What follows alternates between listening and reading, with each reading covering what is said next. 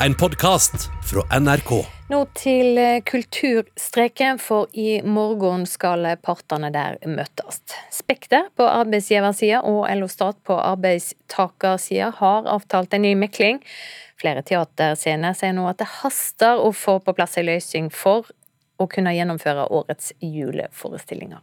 Julen, julen, julen, den er her. I hvert fall snart. Det kjenner i det minste teaterscenene rundt om i landet på. Nå haster det for teatrene å få endt den pågående kulturstreiken for å ikke miste juleforestillinger. I går ble 80 nye ansatte ved Nationaltheatret tatt ut i streik. Dermed er det nå nærmere 900 personer som streiker. Teatersjef ved Trøndelag Teater, Elisabeth Egseth Hansen, sier en utfordring er innleide scenearbeidere som må videre på andre oppdrag. Altså Regissør, scenograf, eh, lyd- og lysdesignere. De skal jo videre til andre oppdrag både inn- og utland. Da ser det mørkt ut.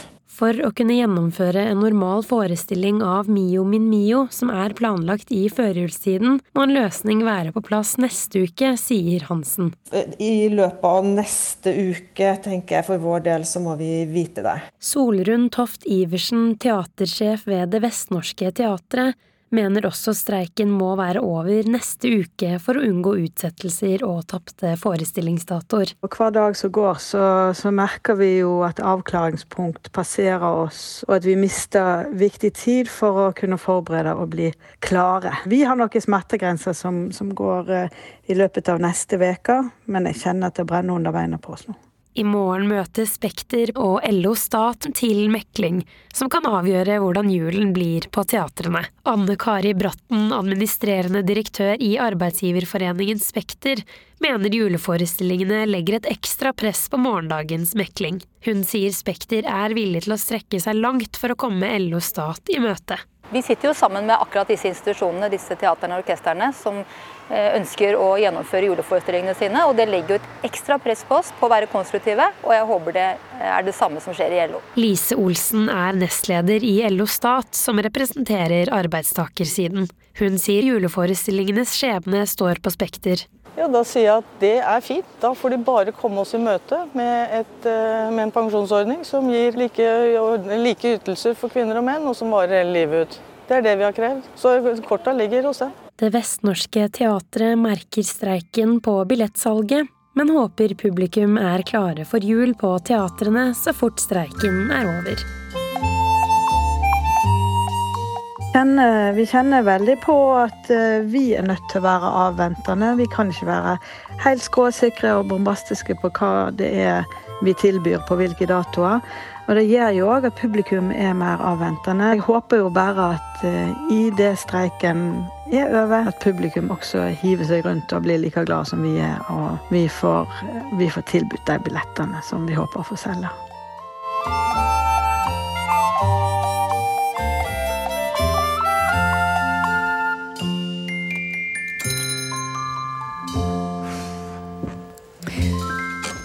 Og de som hadde laga denne reportasjen med masse julestemning, det var Torvald Askim og Anita Kristiansen. I dag skal årets kokk kåres på Vulkan Arena i Oslo. Vinneren blir Norges kandidat til Bocuse d'Or 2022 eh, og 2023. Reporter Emilia Louisa Millan Eide, du er på Vulkan. Hvordan går forberedelsene der?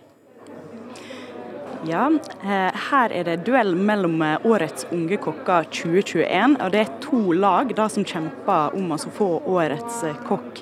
Og De har laga en rett som snart skal serveres. De har høye hatter på seg, dampen står, de kutter og de skjærer og steiker. René Fagerøy, du er jo coachen til 24 år gamle Andrea Svendsen. Hvordan har hun gjort det så langt? Det stemmer. Hun har gjort det veldig veldig godt. Det er jo et eh, race mot klokka her i dag for å få laga den beste maten, mest ambisiøse, mest imponerende maten på kortest mulig tid. Men enn så lenge, vi er jo 1 time og 15 minutter inn i konkurransen nå, så ligger de helt riktig an på tid. Hva ingredienser er det de tar i bruk i dag? I dag skal de lage to forskjellige retter. Eh, den første retten de skal servere, den eh, skal bestå av eh, egg, grønnkål og en vellagra Norvegia-ost som har blitt lagra i fem år. Og så skal de kjøre en annen tallerkenrett som består av flekksteinbit og tre forskjellige garnityrer som et minimum. Og en av de garnityrene skal også bestå av tomat. Ja, det høres deilig ut. Du er jo coachen. Hva betyr det? Ja, Coachen er jo en person som skal være behjelpelig og tilrettelegge for at de klarer å gjennomføre konkurransen. Jeg tror nok ulike lag og team har behov for ulik type coaching, men min rolle hos Andrea har i stor grad vært å veilede, motivere og hjelpe dem å organisere egentlig all logistikken rundt konkurransen, og ikke minst stå og hjelpe dem og motivere dem underveis til å holde tid og følge med hvis noen ting feil skjer, at jeg kan rettlede dem på riktig vei. Og nå hører det bankes her i bakgrunnen. Full action! Ja, men Hva betyr det å bli årets unge kokk 2021, da? Det betyr veldig mye. fordi hvis du er en ung, ambisiøs kokk som ønsker å komme deg litt inn i det her konkurransemiljøet, så er det en eh, kjempeviktig plattform å kunne starte. Det å få lov til å komme hit og gjøre juniorkonkurransen av Årets kokk, som er det største vi har eh, av kokkekonkurranser i Norge, som er selve uttaket til Bocuse. Da føler du lukter på hvordan det kan være å stå i den seniorkonkurransen etter hvert. Og du gjør egentlig på mange måter litt av den samme konkurransen, bare at selvfølgelig nivået blir litt lavere. Men det betyr ikke at det er mindre ambisiøst av den grunn. Takk for praten, René Fagerøy. Da blir det spennende å se om det er hennes lag som blir får årets kokk i 2021. Takk til dere med fra Vulkan i Oslo. Humorshowet Gullalderen er det første samarbeidet mellom Rune Andersen og Espen Beranek Holm på tolv år. Sammen byr de på ei forestilling med en miks av sketsjer og musikalske innslag, og denne høsten turnerer de rundt om i landet.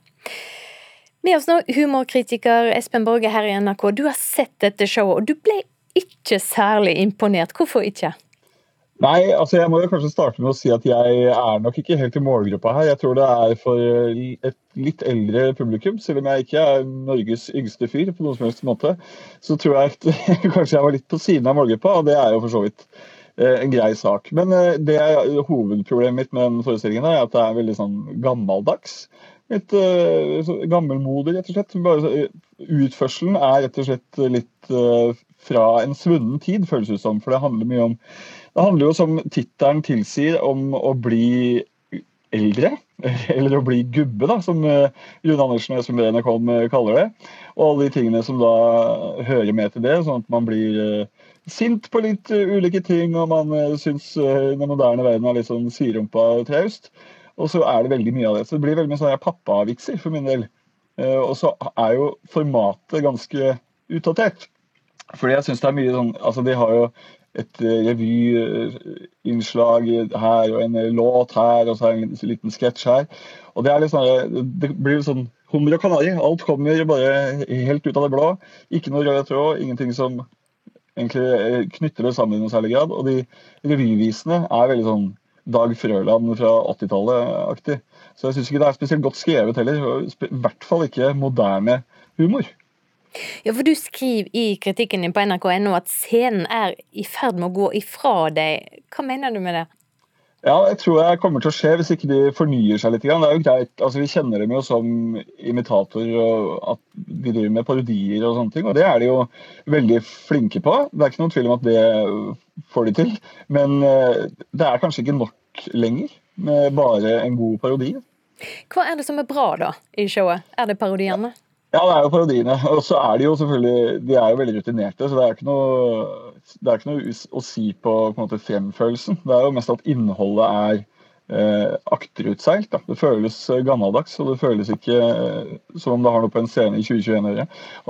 Altså, det er jo et show som koster 400-500 kroner, og når man skal selge ut det, så er det det føles litt som latskap da, når man har stått uh, bak det der. Uten at jeg anklager disse gutta for å være late, så oppleves det litt som latskap. Uh, det som er skrevet her, materialet er ganske Det er veldig forutsigbart og åpenbart, da. Ja, hva bør de gjøre neste gang, ja, dersom det blir neste gang, da? Ja, jeg synes Det har vært veldig interessant å se hva Espen Brenek Holm og Rune Andersen gjør hvis de må fornye seg og forholde seg til et uh, nytt publikum. De, de, må jo ikke det i det hele tatt. De, de, kan jo velge å bare fortsette som de gjør og sikkert sjarmere de 60-åringene som uh, ser på, liksom. Eh, Men jeg tror det hadde vært eh, spennende å se om det gikk an å fornye seg litt. Vi skal ha litt honnør også for eh, at noen av parodiene er oppdatert. Selv om det stort sett handler om Bjørn Afselius og Kristen Gislefoss, så er det av og til en uh, ny partilederdebatt for eksempel, fra i år som er ganske oppdatert. Gjert Ingebrigtsen, nå er ikke han uh, selve bildet på 2021 kanskje, men han er i hvert fall ikke fra 1980, da. Og du har Så de tingene, ja. Ja, jeg skulle spørre hva terningkast du har eh, delt ut. Jeg delte ut terningkast to. Takk skal du ha, humorkritiker her i NRK, Espen Borge.